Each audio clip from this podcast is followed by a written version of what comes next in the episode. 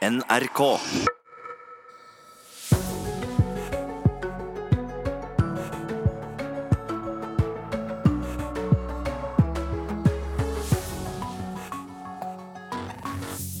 Velkommen til Nyhetsmorgen i NRK, P2 Alltid nyheter, på denne siste fredagen i 2018.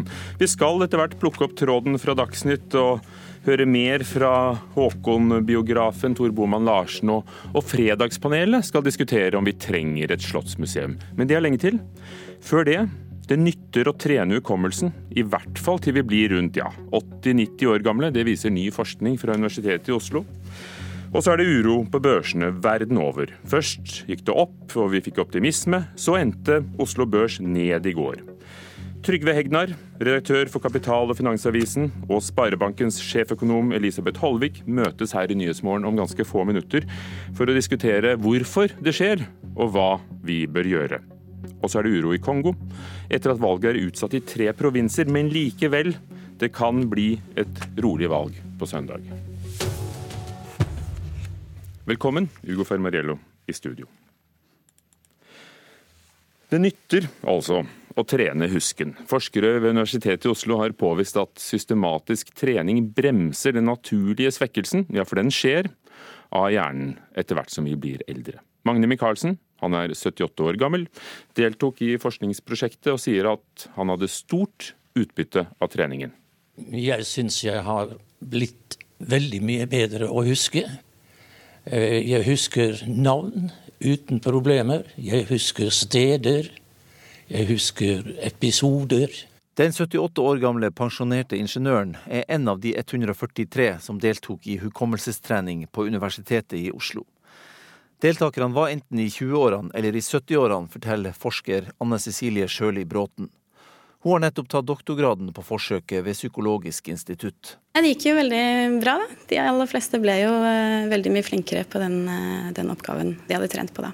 Deltakerne brukte Loki-metoden, som innebærer at du først lærer utenat ei tenkt reiserute på en plass du kjenner godt, f.eks.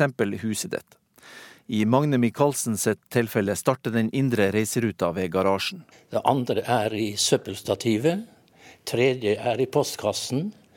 Fjerde er i sikringsskapet inni gangen. Og sånn kan du fortsette gjennom alle rommene i huset, forteller forsker Anne Cecilie Sjøli Bråten. Man må se for seg de ordene man skal huske langs denne reiseruten. En av oppgavene var å lære seg utenat alle amerikanske presidentene gjennom tidene. Og hos 73 år gamle Anne Andersen sitter dem som spikra. George Washington han er på, på bilen min. Og så har du John Adams inne i postkassen. Så har du Thomas Den tidligere ungdomsskolelæreren er glad i å bruke hodet, og sier at hukommelsesteknikken er til nytte hver dag. Så når jeg skal gå og handle, så lar jeg være å skrive liste, og legger de tingene jeg skal kjøpe, på de forskjellige stedene som jeg har laget i min reiserute. Kan godt lage en liste for det jeg skal handle, men, men jeg gjør alt jeg kan for å ikke bruke den. Du klarer å huske alle varene du skal Som, handle? som regel gjør jeg det. Hjernen vår svekkes naturlig etter hvert som vi blir eldre. Deltakerne og ei kontrollgruppe som ikke trente hukommelsen, fikk hodet sitt undersøkt med MR før og en stund etter prosjektet, sier forsker Sjøli Bråten. En av de tingene vi så da, var at med treningen så bremset vi litt den, den negative endringen, da. Kvinner ser ut til å lære husketeknikken raskere enn menn, og unge lærer raskere enn eldre. Men alle har utbytte av å trene hukommelsen, og vi bør trene litt hver dag, anbefaler forskeren. Det å lære seg nye telefonnummer uten å taste det inn direkte inn på telefonen og glemme det. Lage mat uten å bruke oppskriften, se om det går greit. Ta en ny vei hjem fra jobb når man kjører hjem fra jobb. Ja, Utfordre seg selv litt eh, i hverdagen også. Etter hukommelsestreninga begynte 78 år gamle Magne Michaelsen på italiensk kurs, og dro til Italia. Faktisk klarte jeg meg i en uke i Italia uten å snakke engelsk til italienerne, og det syns jeg var bra. Og hvem sier at vi ikke bringer godt nytt eh, i nyhetene? Reporter var Kjartan Røslett om eh, forskningen fra Universitetet i Oslo som viser at det nytter å trene hukommelsen eh, ja, så lenge vi lever. Det har gått opp, og det har gått ned, og så gikk det opp på børsene verden over i går, og det så lyser ut, og så gikk det ned. New York steg og steg, og så falt det. Endte på 1,14% opp. Oslo Børs endte ned 2,5% i går, og Tokyo falt i morgentimene i dag 0,51% Hva skjer?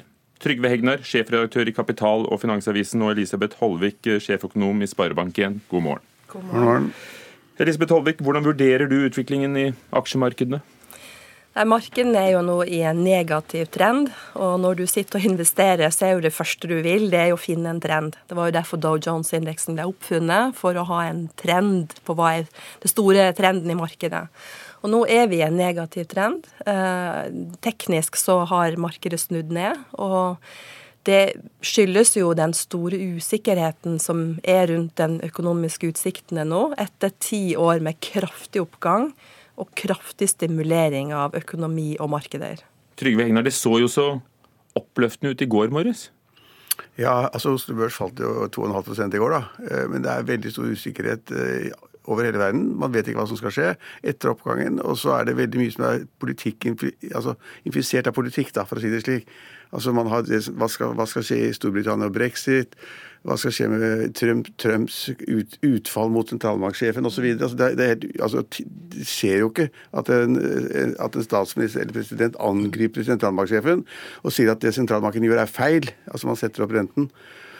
Og det er handelskonflikt mellom USA og Kina, den er ikke avklart. Og, altså det er så masse politikk. Og så fikk vi da oljeprisen som ble forsøkt regulert på politisk vis med OPEC og Russland og andre land. Altså Masse rare usikkerhetsfaktorer som kommer inn i markedene. Og så tenker folk at nå er det så stor, stor usikkerhet at det er bedre å være ute av markedet enn inne i markedet. Og så begynner store operatører forvaltere å selge tingene sine og, og liksom kvitte seg med en del av uh, de posisjoner de har. Og, altså, det er usikkerhet opp og ned, og man får ekstreme utslag. Altså, USA gikk jo opp 5 her i forgårs. Og Det er altså ekstremt mye. Og så plutselig så faller det 2% og så, så åpnet de dagen i går med en nedgang på 2,5% og så endte det opp osv. De som nå på en måte er litt konservative og forsiktige, sånn som meg f.eks., ville holdt seg ute av markedene. Hmm. Hva, sier dere til deres kunder? Eh, altså, de har jo advart om at den oppturen som har vært nå i ti år, har vært drevet av ekstremt lave rente og kraftig stimulering av økonomien. Og så fikk du en veldig optimisme i USA, som er det største kapitalmarkedet i verden. Du gikk en stor optimisme etter at Trump ble valgt, fordi han satte i gang med en stor skattereform som gjorde at små bedrifter har investert, og store bedrifter har kunnet hente mye kapital hjem fra utlandet. Så de store bedriftene har jo kunnet kjøpe tilbake egne aksjer, de små bedriftene har investert og kunnet ansette. Så det har vært en stor optimisme på tampen av en sterk oppgangsperiode i verden. Eh, nå ser vi at rentene er på vei opp i USA. sant? Mens veksten kanskje ikke er sterk nok til å tåle den som vi regna som en normal rente før. Så, så, det fundamentale er jo at eh, veksten kanskje ikke er så sterk som vi skulle ønske. Så det, dette reflekterer realiteter? Ja, og selv, Ikke bare psykologi og omtale? Nei, og en prøver å finne en trend teknisk, men det reflekterer alltid i bunnen det fundamentale. Og det fundamentale er at den veksten vi har hatt i ti år, har vært drevet av ekstrem stimulering og høy gjeldsvekst. Er det en korreksjon som mange snakker om? Ja, det er en korreksjon, en klar korreksjon. Men det er også det paradoksale at uh, ting ser rimelig bra ut på, på makrosiden. Ser vi på, på, USA, så er ledigheten veldig lav. Den synker hele tiden. Lønnsveksten har begynt å komme. Folk er fornøyd, optimismen er stor. Uh, og Ser vi på Norge, så altså makrotallene er jo ganske positive. altså liksom Ledigheten er jo, er jo kjempelav. ikke sant? Veksten antatt å bli stor. Lønnsveksten skal bli stor til neste år. Alle er fornøyde. så Mange faktorer er gode. Men Er det sånne som deg, det er konservative som holder seg utenfor markedene, som sørger for at de gikk ned på Oslo Børs i går? Nei, men så er det det også da i Norge så har vi den spesielle situasjonen som da jeg syns er veldig viktig. da, det at Selv om mange av faktorene er viktige, så synker oljeprisen som en sten. Den har falt altså 30 dollar i løpet av noen uker, og det er helt ekstremt. Den falt fra 86 dollar per fat til nå rundt 50 dollar på fat for, for brentoljen. Og Det har jo konsekvenser for store deler av norsk økonomi. Offshoresektoren, riggsektoren, letesektoren, oljeselskapene, statens økonomi, oljefondet. Det er masse ting eh, som er liksom negativt påvirket av et fall i oljeprisen. Eh, og det slår ut på en eller annen måte. Og Da kan man si liksom, hvor, hvordan skal det slå ut videre. Og så har det også da påvirket, sannsynligvis, men ikke helt så har det påvirket da kronekursen, som er jo svekket voldsomt. altså Nå må vi, må vi betale 10 kroner og 5 øre for en euro. ikke sant? Alle ekspertene trodde for tre-fire uker siden eller et par måneder siden at den skulle være 9,20 eller 9,40 eller noe sånt nå. Plutselig er det over 10. Så det, det, det, er store endringer som skjer, og det påvirker økonomien. Hvordan henger alt sammen med alt, for det har vi da skjønt? Nei, og da, Du må starte med USA, som er det største kapitalmarkedet. Og hvis du tenker på den norske krona, så må du også sette deg i, i, eh, inn i hodet til en amerikansk investor. Når er det interessant å kjøpe norske kroner? Og nå er det ikke interessant, fordi det er så stor usikkerhet. Renten er kommet opp i USA. Det er tryggere bare å putte pengene i et rentepapir i USA, for der får du en grei avkastning. Så når Eh, kronekursen er spennende. Det er når rentene er veldig lave i USA, dollaren er svak, og oljeprisen er høy og renten er høy i Norge. Så nå er det ingen som investerer i norske kroner fordi det er spennende å investere her. Og vi ser ikke noe stor investeringslyst i oljesektoren eller norsk økonomi. Så du må tenke som en, en global investor hvor skal jeg investere for tida? Og da er det som Trygve sier, du tenker du skal passe på pengene, være forsiktig, ha de et trygt sted. Og hva er et trygt sted, da? Det er i USA, i rentepapirer. Men hva med for, for, for oss? For, ja, da, for, nordmenn med kanskje store boliglån, ja. aksjesparekonto som ble introdusert for et par år siden, eh, pensjon i fond? Altså, Det som har skjedd også i Norge med de ekstremt lave rentene, det er at eh, mange har tatt opp veldig mye gjeld. Sant? Så det første en bør gjøre, er jo kanskje å passe på at en eh, passer litt på gjeldsnivået sitt før en begynner å tenke så mye på aksjesparing. Ja, altså De fleste må jo sitte stille i båten. Altså De småsparere og andre må bare sitte der. De kan ikke få, liksom løpe ut og inn av markedet, de kan ikke kjøpe og selge løpende. Men store investorer som er viktige, som investerer i oljerigger eller supply-skip eller den type ting, de må vite liksom hvor de ikke skal være og hvor de skal være. Og De siste par årene burde det ikke vært i offshoresektoren fordi at den var svak. Og, er, og så Paradokset er nå det at alle har sagt at mens bolig- og anleggssektoren reddet Norge et par år, så skulle liksom gass- og oljesektoren redde oss i, i 19, 2019 og 2020. Og det kan bli ganske komplisert. Så det man må tenke på, det er, det er noe positivt. altså Hvis kronekursen svekker seg veldig, som den har gjort nå, så må man da feriere i Norge istedenfor. Det er bra. Det er bra for reiselivsnæringen. Utlendinger kommer til å liksom komme til Norge istedenfor at nordmenn reiser til utlandet. Det er store svingninger som skjer nå. De fleste, de små, de må sitte stille i båten. Og de store, de opererer nå internasjonalt, og de er engstelige. Og Derfor så stiger børsene 5 en dag, og ned 3 den neste dagen. Flyktige greier. Ja, det er ganske skummelt. altså, fordi Man vet jo ikke hva effekten av det etter, etterpå. Men det er store svingninger, og det rammer hardt. Og det kommer til å ramme noen land og næringer. Og det en skal huske er at De som investerer i aksjer, de ser veldig langt fram. Sant? For du kjøper bedrifter med tanke på inntjening langt fram i tid. Så det er et litt svakhetstegn at aksjemarkedene er så dårlige nå. Det er et tegn på at det kan komme litt ruglete tider framover. Selv om det egentlig er gode tider, sier du Trygve Egner? Altså, I, I, bunnen så ser det ganske bra ut, men det er skumle greier. Mm på lang sikt, så kan det bli svakere. det være konklusjonen. Takk skal dere ha. Elisabeth Holvik, sjeføkonom i Sparebank1, Trygve Hegnar, sjefredaktør i Finansavisen og Kapital.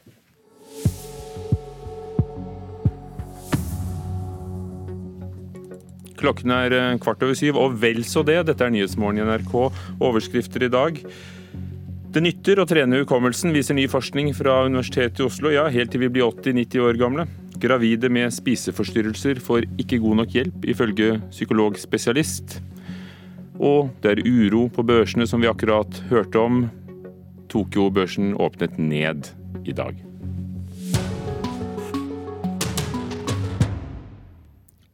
Vi skal til Kongo, Den demokratiske republikken Kongo. Der har opposisjonen bedt innbyggerne om å lamme flere byer i protest mot at valget er utsatt.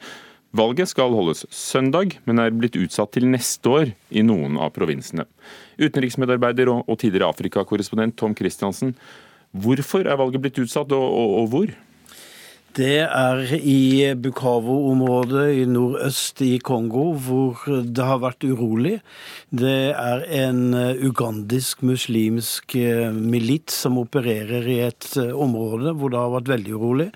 Det er ebolautbrudd i et annet område, og nok en, en eh, i Jombi, som en by heter, ble altså 80 mennesker drept i desember. Nå sier mange at dette er for, et forsøk på å rigge valget, altså disse tre provinsene. Her er det én million velgere ut av 40 eh, millioner. Eh, her står Kabila, presidenten, sterkt. Nå er jo ikke han på valg, mens han etterfølger. Og det er mange som tror at dette har med rigging å gjøre, særlig det med ebola, fordi at de har jo drevet valgkamp i områder hvor, hvordan kan man forklare det. Mm. Det er 21 kandidater til valget av ny president, men hvor mange av dem vil du si er reelle, med, med vinnersjanser? Ja, det er jo mange som har forsøkt å komme inn her. Mange militsledere som vil bli valgt, som har brukt masse penger på det. Men det er tre som står som eh, ledende. Emanuel eh, Shadari, som er Kabilas mann, han er ansett for å være en mulig vinner. Men han har jo en stygg eh, forhistorie. Han var innenriksminister og var ansvarlig for atskillig politibrutalitet mot opposisjonen opposisjonen. Han eh, er, han er en av 14 kongolesiske ledere som eh, er utsatt for økonomiske sanksjoner fra EU og ikke får komme til europeiske land av den grunn. Den andre er Martin eh, Fajolo, som er en tidligere innenriksminister. Og så er det Etien Chesekedi, en veteran i politikken.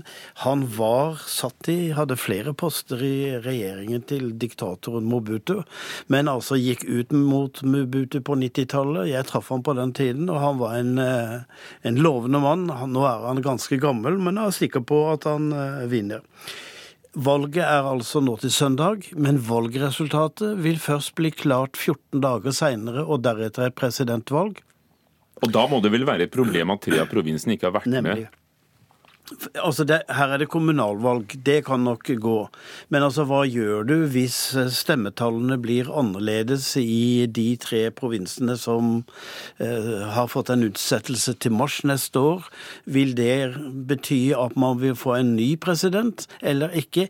Eller dette er det minst smarte man kan gjøre i et område hvor det er så mye politisk uro, for det er det over hele landet akkurat nå. Og så vidt eh, jeg har forstått på deg, så, så, har det alltid vært uro rundt maktovertagelse. Men det har vært flere skikkelig avholdte valg. Eh, ja, jeg husker jo altså det, det, det Internasjonale observatører eh, var jo rørt til tårene der de så valgkommisjonærer komme i uthulte trestammer og rodde nedover Kongofloden med stemmeurnene, og det ble talt opp og det ble rapportert som et valg som var i orden. Da ble Josef Kabila valgt i 2001, og han har sittet og sittet og sittet, også på overtid kan ikke gjenvelges. Og så er det spørsmål vil det denne gang bli et akseptabelt valg. Hva tror du? Eh, jeg tviler på det, simpelthen fordi at eh, internasjonale observatører er ikke med denne gang. De har finansiert valget selv og vil ikke ha penger utenfra. Det lover ikke bra i Den demokratiske republikken Kongo. Tom Christiansen, tidligere Afrikakorrespondent. Vi skal til Latin-Amerika. Der har troen på demokratiet falt kraftig det siste året. Det viser tall fra meningsmålingsinstituttet Latino Barometro. I eh, Latin-Amerikas største land, Brasil, sier bare en tredjedel at demokrati er den beste måten å styre på. Dette er Marta Lagos leder for Latin-Amerikas mest prestisjetunge meningsmålingsinstitutt, Latino Barometro. I mer enn 20 år har Latino Barometro tatt pulsen på regionens politiske, sosiale og økonomiske liv, og bare én gang tidligere har tallene vært dystrere enn nå. Ikke minst gjelder dette troen på demokratiet creo que la democracia está puesta en cuestión en toda la región. Jeg mener at demokratiet er under press i hele Latin-Amerika. Bare 5 sier at de er helt fornøyd med den måten demokratiet fungerer på. Og i land som Venezuela og Nicaragua kan vi snakke om rent autoritære regimer. Det nye er at demokratiet settes til side uten at de militære tar makten. Og det kan skje flere steder, som i Mexico og ikke minst minst i Brasil, sier Marta Lagos i Latino Barometro. Tilhengerne til Jair Bolsonaro jubler etter valgseieren her i Brasil i slutten av oktober. Men selv om Bolsonaro vant et fritt og rettferdig valg, så ser bare 34% av brasilianerne på demokratiet som den beste styreformen. Og i mindre enn halvparten av landene i Latin-Amerika har flertallet en slik mening, ifølge Latinobarometros siste undersøkelse. En América Latina en general yo diría que hay una vuelta a la demanda mano dura. I Latin-Amerika generelt ser vi nå at folk igjen ønsker la mano dura, den harde hånds politikk, sier Marta Lagos. Velgerne stemmer på tøffe ledere, gjerne de som har enkle svar på vanskelige spørsmål, og her er jo Bolsonaro et godt eksempel.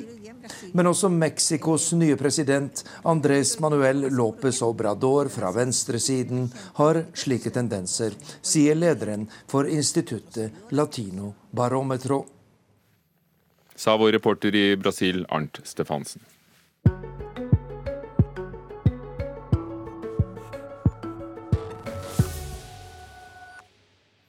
Vi har hørt om angrep mot eh, datasystemene hos flere fylkesmenn. Det er bl.a. e-postsystemer som er rammet, og Politiets sikkerhetstjeneste etterforsker saken. Hans Christian Pretorius, direktør for datasikkerhet hos KPMG, tidligere leder for Nasjonal sikkerhetsmyndighets eh, cybersikkerhetsavdeling. God morgen. Ja, god morgen. Hvorfor tror du noen vil angrepe fylkesmannsembetene? Det er jo uavklart, så det er jo noe eventuelt etterforskningen eh, vil vise. Eh, men det er jo interessant å se hvordan nok en gang at et myndighetsorgan eller myndighetssiden i Norge opplever dataangrep. Eh, og så blir det fort spekulasjoner i hvorfor man akkurat har gått mot fylkesmennene. Hva er spesielt med dette angrepet? Nei, Det som skiller seg fra tidligere, er jo at vi har alltid brukt begrepet angrep. Men det har jo primært ikke vært et angrep i den forstand å ødelegge noe. Det har dreid seg om å hente informasjon. Innhentingskampanjer. Denne gangen så er det jo IT-systemer som har sluttet å virke. Så noen har kommet inn, og noen har gjort noe som gjør nå at systemene har stoppet. Sabotasje? Om det er bevisst eller ubevisst. Vi har jo også sett eksempler på at man er inne for å hente informasjon, gjør en feil, og sånn sett så vil hackeren da på en måte skade noe som, hvor ikke intensjonen måte var å stoppe. Det vil jo etterforskningen vise. Men ja, det jo en, vi kan jo fort bruke begrepet sabotasje når man går inn og ødelegger et system. Hvilke råd gir dere i KPMG, eller for den saks skyld uh, sikkerhetsmyndighetene hvor du jobbet tidligere? Nei, Det blir jo fort en lang liste med råd. Det som er viktig å få fram, det er at det å digitalisere sikkert, det å bygge et IT-system sikkert, det er fullt mulig. Men så ser vi jo gang på gang at det er små feil, små smutthull som ligger der ute, som gjør at disse hackerne kommer inn. Men hvem, hvem kan det være? Her kan det være mange aktører. Eh, og, det, og målet fylkesmennene, da blir det usikkert. Det kan være statlig aktør. Det blir spekulasjoner. Det må på en måte eventuelt etterforskningen ta fram. Det kan være kriminelle som er på jakt etter verdier. Personopplysninger har fått en verdi i seg selv. Det har vi sett flere eksempler på. Men hvem som står bak, det er for tidlig å si. Er dette på noen måte sammenlignbart med det angrepet som har vært mot Helse Sør-Øst tidligere? Nei, det er det også for tidlig å si noe om. Ja, dette er et hackerangrep. Noen har kommet seg inn i et IT-system. Sånn sett så er det noen likhetstrekk, men det er jo likhetstrekk ved alle denne type angrep. Um, så det blir det litt tidlig å si.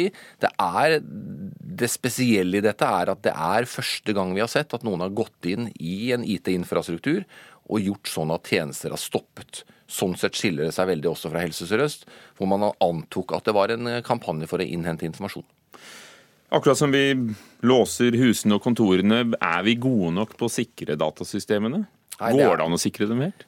Ja, det, Svaret på det er ja, det går an å sikre. Og nei, vi er ikke gode nok. Det er for mange eksempler i Norge i dag eh, hvor på en måte man er sårbar, og vi ser hvordan hackere lykkes med å komme inn, enten for å stjele informasjon eller for å gjøre noe annet. Så vi har fortsatt en vei å gå. Og så er jo oppsiden i dette her at dette er det fullt mulig å få til. Eh, vi må bare gjøre de riktige tingene. Ja, og Det er det sånn som dere driver med, men, men er det også en balansegang? Hvor, hvor, mye skal vi investere i det? Ja, det er det.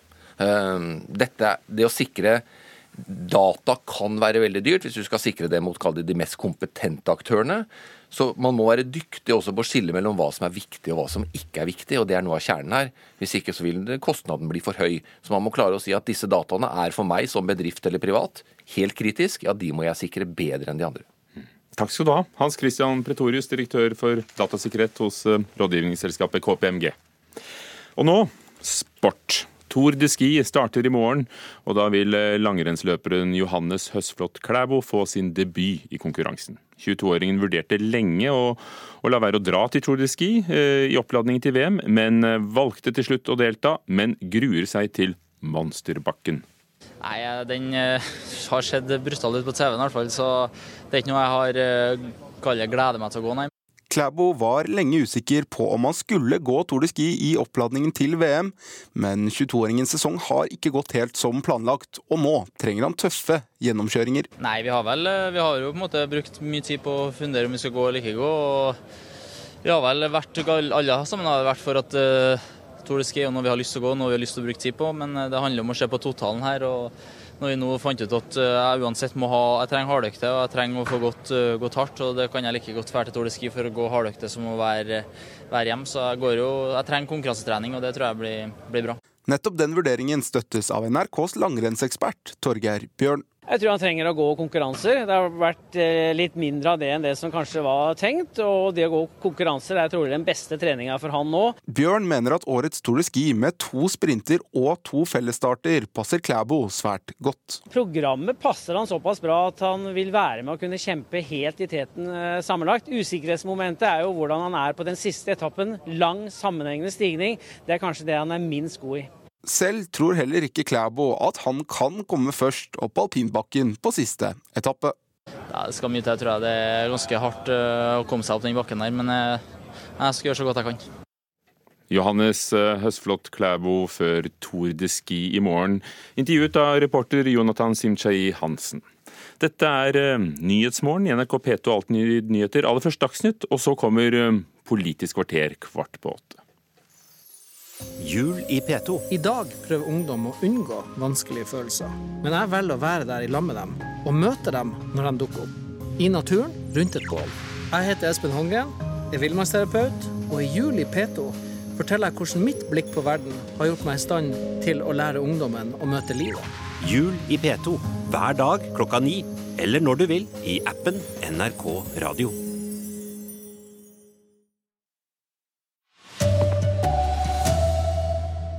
Hukommelsestrening virker.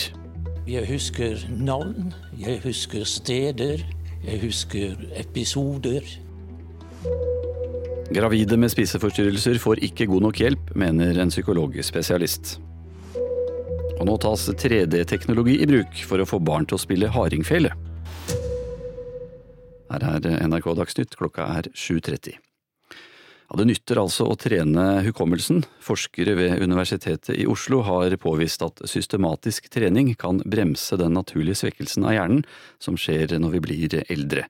78 år gamle Magne Michaelsen deltok i forskningsprosjektet. Sier han hadde stort utbytte av treningen. Jeg husker navn uten problemer. Jeg husker steder. Jeg husker episoder. Den 78 år gamle pensjonerte ingeniøren er en av de 143 som deltok i hukommelsestrening på Universitetet i Oslo. Deltakerne var enten i 20-årene eller i 70-årene, forteller forsker Anne Cecilie Sjøli Bråten.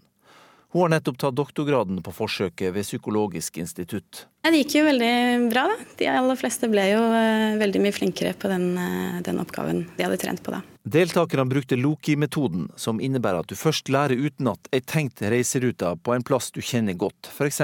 huset ditt. Man må se for seg de ordene man skal huske langs denne reiseruten. En av oppgavene var å lære seg utenat alle amerikanske presidentene gjennom tidene. Og hos 73 år gamle Anne Andersen sitter dem som spikra. George Washington han er på, på, bilen min. Og så har du John Adams inn i postkassen.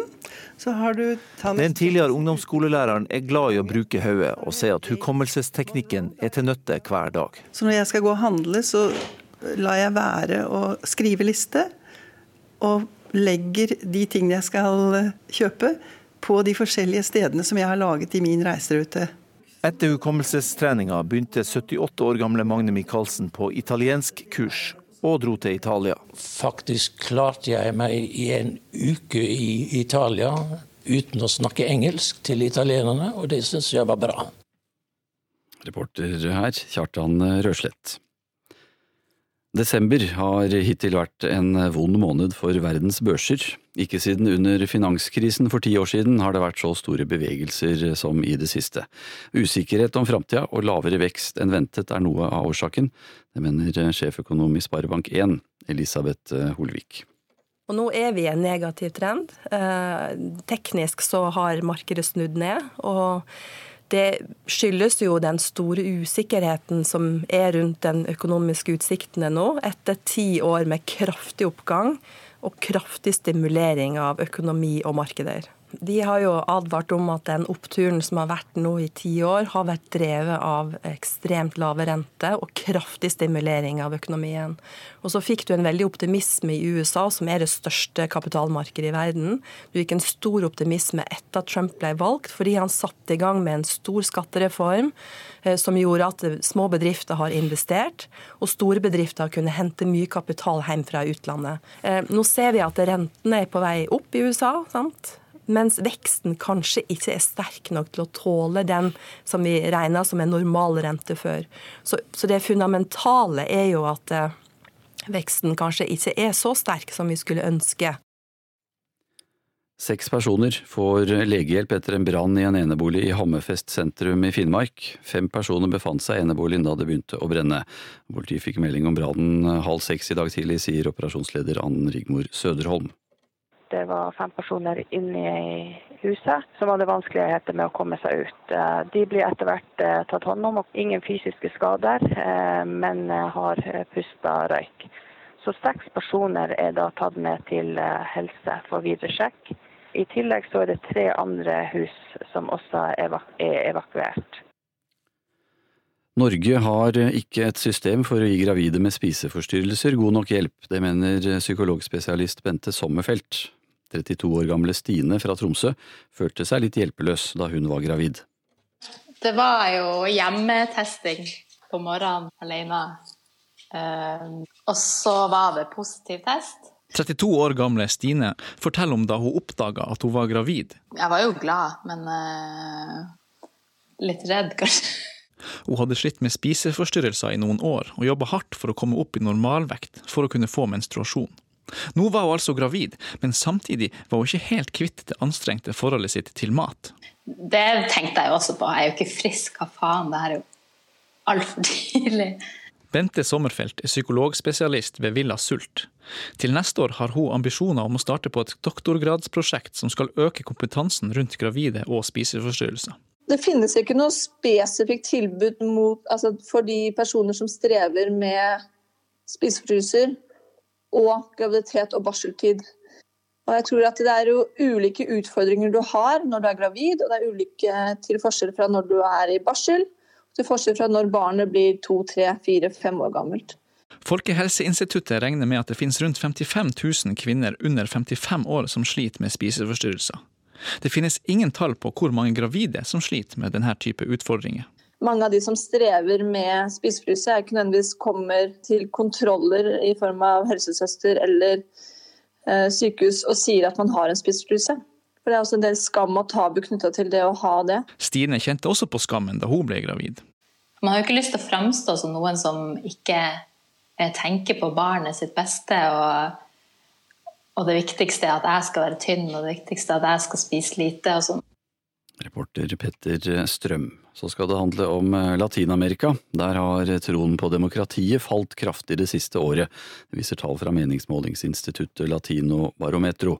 I regionens største land, Brasil, sier bare en tredel at demokrati er den beste styreformen. Dette er Marta Lagos leder for Latin-Amerikas mest prestisjetunge meningsmålingsinstitutt, Latino Barometro. I mer enn 20 år har Latino Barometro tatt pulsen på regionens politiske, sosiale og økonomiske liv, og bare én gang tidligere har tallene vært dystrere enn nå.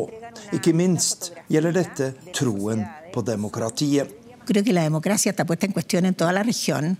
Hay solamente un 5% latinoamericano. Jeg mener at demokratiet er under press i hele Latin-Amerika. Bare 5 sier at de er helt fornøyd med den måten demokratiet fungerer på, og i land som Venezuela og Nicaragua kan vi snakke om rent autoritære regimer. Det nye er at demokratiet settes til side uten at de militære tar makten, og det kan skje flere steder, som i Mexico og ikke minst minst i Brasil, sier Marta Lagos i Latino Barometro. Tilhengerne til Jair Bolsonaro jubler etter valgseieren her i Brasil i slutten av oktober. Men selv om Bolsonaro vant et fritt og rettferdig valg, så ser bare 34% av brasilianerne på demokratiet som den beste styreformen. Reporter i Rio de Janeiro, Arnt Stefansen. Felemakere i Strandebarm i Hordaland har eh, tatt i bruk eh, topp moderne 3D-teknologi og fresemaskin for å lage billigere hardingfeler. Målet er at flere barn skal lære seg kunsten å spille på instrumentet. Nå lager vi hardingfele på den moderne måten. I den gamle verkstedet hos felemaker Ole Gjerde i Strandebarm i Kvam har splitter ny teknologi flytta inn.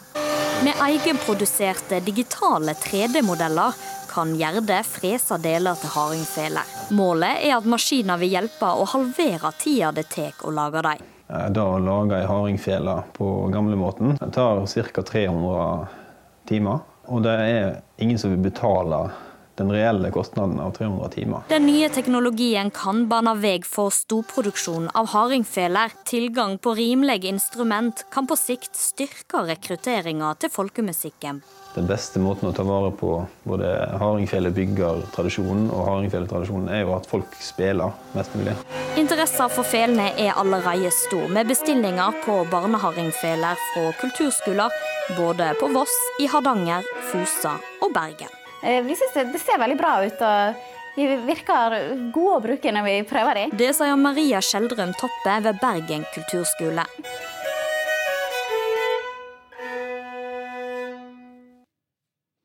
Reporter her, det var eh, Tale Hauso.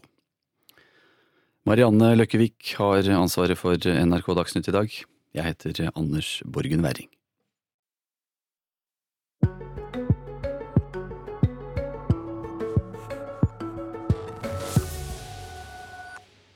Høyre forsøker å vinne makten tilbake fra Arbeiderpartiet. Det er i Bergen, og Politisk kvarter skal i dag handle om bergenspolitikken. Om en fem minutters tid her i Nyhetsmorgen i NRK. Mange sliter med angst på ulike måter, og det tar tid å stå i kø for å få hjelp.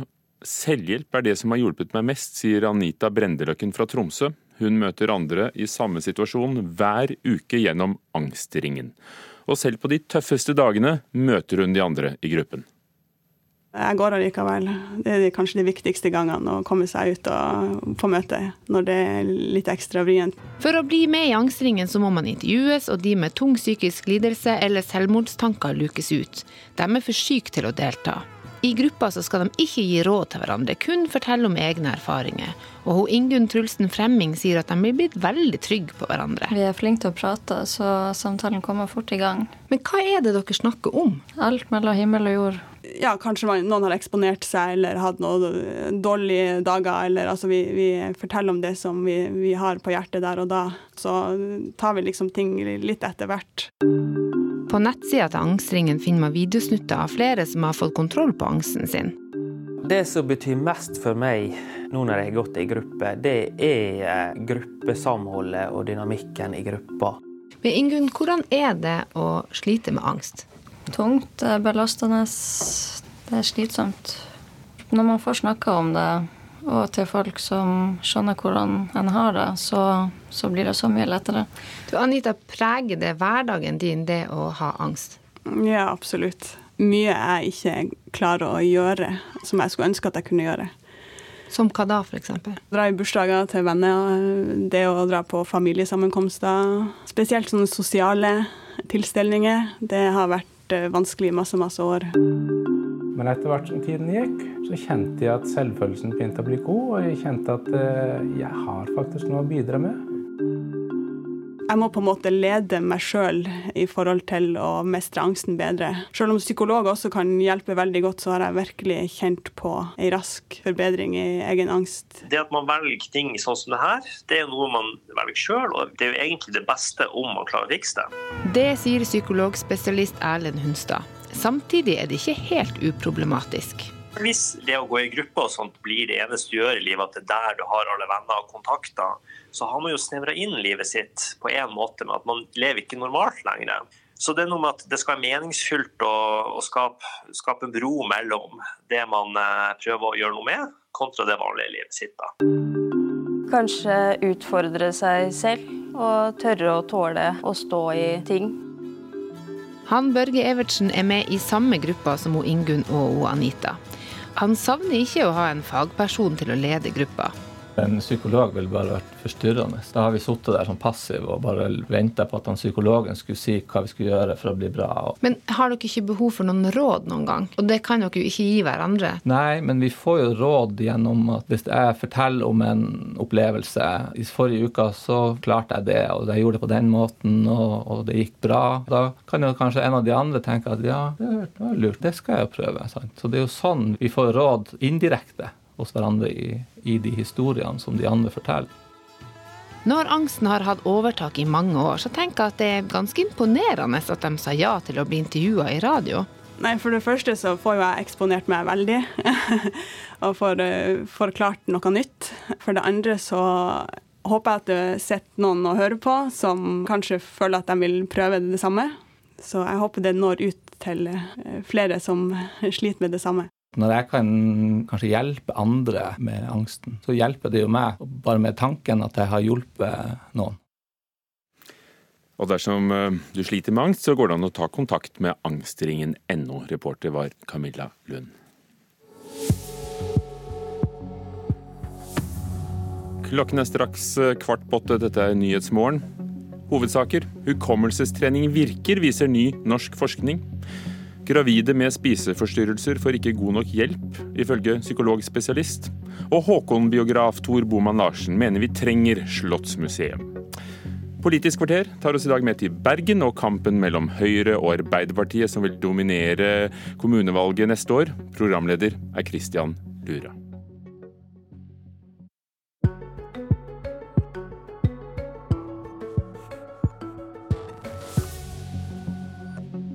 Skal det bli maktskifte i de store byene neste år? De politiske partiene ruster seg til kamp før kommunevalget 2019. I Bergen vil Høyres comeback-kid prøve å kaste Arbeiderpartiet ut av byrådet. Og kan det nye fylket Vestland bli en suksess? Eller kveles hele sammenslåingen av en uforsonlig kamp om penger, symboler og klassisk mistro mellom by og land? Velkommen til Politisk kvarter. I september 2019 skal velgerne igjen gå til urnene og velge representanter til kommunestyret over hele landet. Det knytter seg stor spenning til kampen i storbyene. Her i Bergen handler mye om hvorvidt Høyre igjen skal klare å ta makten i byen som Arbeiderpartiet har styrt sammen med Kristelig Folkeparti og Venstre siden 2015. Angrepet fra Høyre ledes av deg, Harald Viktor Hove. Du var tidligere byråd og gjør nå comeback i bergenspolitikken. Hvorfor er du den rette til å lede byrådet i Bergen? Nei, eh, For det første så har jeg lang erfaring eh, i eh, bypolitikken. Jeg har også tid utenfor politikken nå, så jeg har sett hvordan Bergen rådhus ser ut fra utsiden. Og det kan av og til være en, en helt ny opplevelse. Velkommen også til Marte Mjøs Persen, Aps ordfører i Bergen. Dere fikk 37,8% i Bergen i 2015. Et historisk godt valg for Arbeiderpartiet. Men målingen i år ligger langt under dette. Samtidig sitter da deres byrådsleder Harald Skjeldrup på oppsigelse. Er det i det hele tatt håp om å beholde makten for Ap i Bergen? Arbeiderpartiet representerer et grønt skifte i Bergen, og vi fordeler også eh, godt på den måten at eh, vi jobber for at eh, forskjellene ikke skal øke. Og I 2015, når vi overtok makten i Bergen, så var det etter tolv år, bl.a. med Hove i byråd, der stoppeklokken var styrende i eldreomsorgen. De bygget kun 31 nye sykehjemsplasser eh, i løpet av den perioden. Klimagassutslippene gikk opp og ikke ned. og biler sto i kø inn og ut, noe som var svært skadelig både for næringslivet og for luftkvaliteten. Men Dere samarbeider i Bergen med to partier som begge snart antakelig sitter i Erna Solbergs regjering. Hvorfor er du så sikker på at ikke de vil hoppe av ved neste korsvei?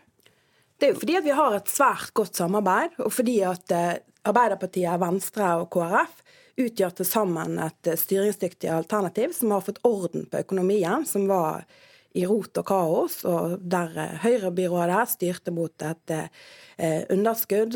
Sparekontoene var, var skrapt. Ja, rot og kaos over jeg regner med du vil prøve å lokke både Kristelig Folkeparti og Venstre over i den borgerlige fløy. Hva skal du lokke de med? Nei, først og fremst så tenker jeg at rot og kaos i Bergen Høyre i 2014, hvis det er det Arbeiderpartiet skal vinne valget på i 2019, eh, så, så tenker jeg at dette blir en interessant valgkamp.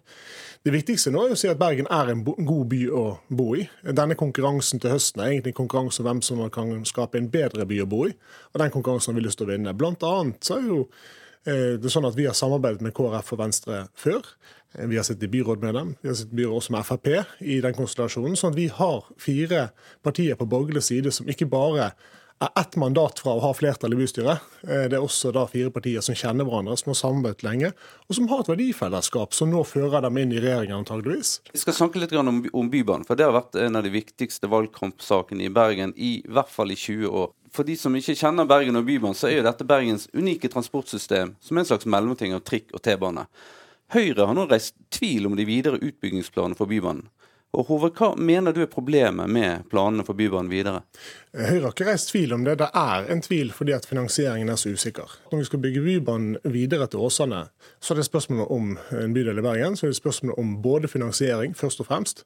Jeg er veldig glad for at vi har en regjering som bidrar med 50 av den regningen, og ikke bare 5% som det var under Jens Stoltenberg. Men det er klart at vi er ennå ikke ferdig med å bygge den til Fyllingsdal. Vi vil jo fullføre den byggingen, helst komme oss hele veien til, til det endestoppet som dessverre ikke ble for, for byrådet sa nei. Eh, og det er klart at Når vi skal bygge ferdig Bybanen, så er dette et spleiselag som betyr mer statlige midler. Så vi kommer til å gå på Erna Solberg og kreve mer penger av henne. Men det betyr også det at det er eh, viktig for oss å lande en løsning som vi har råd til å betale. Persen, mangler dere penger til videre utbygging av Bybanen? Det er jo helt åpenbart at vi gjør. og En av grunnene til det er jo at eh, Høyre sitt byråd i 2015 etterlot seg en, eh, en, eh, en, stor regning på både Bybanen, som da var bygget, men ikke ferdig nedbetalt, og motorveier som var bygget. Og eh, Jeg mener jo det at eh, bompenger er jo ikke et godt alternativ, verken for folk eller for byen vår. Det er en urettferdig, det rammer urettferdig. Men det er det eneste alternativet regjeringen har gitt oss nettopp at de krever denne egenfinansieringen. Det er helt grunnleggende urettferdig. Og istedenfor å, å, å eh, krangle om det, så mener jo jeg at vi sammen burde sette et mye høyere krav til, til storting og regjering hvor mye de skal bidra med. Neste år blir det innført betaling for elbiler i bomringen. Samtidig øker dere antall bomstasjoner, slik at langt flere bilister må betale. Og et protestparti mot bompenger ligger an til å kunne komme inn i bystyret. Er du forberedt på at 2019-valget blir et bompengevalg over? Er, det er, naturlig at det dukker opp, fordi at man skrur til såpass mye eh, i Bergen. Og jeg tror også det som var det største problemet med byrådet i Bergen, er at de har valgt å sette bomstasjoner sånn at det deler nabolag, det deler bydeler.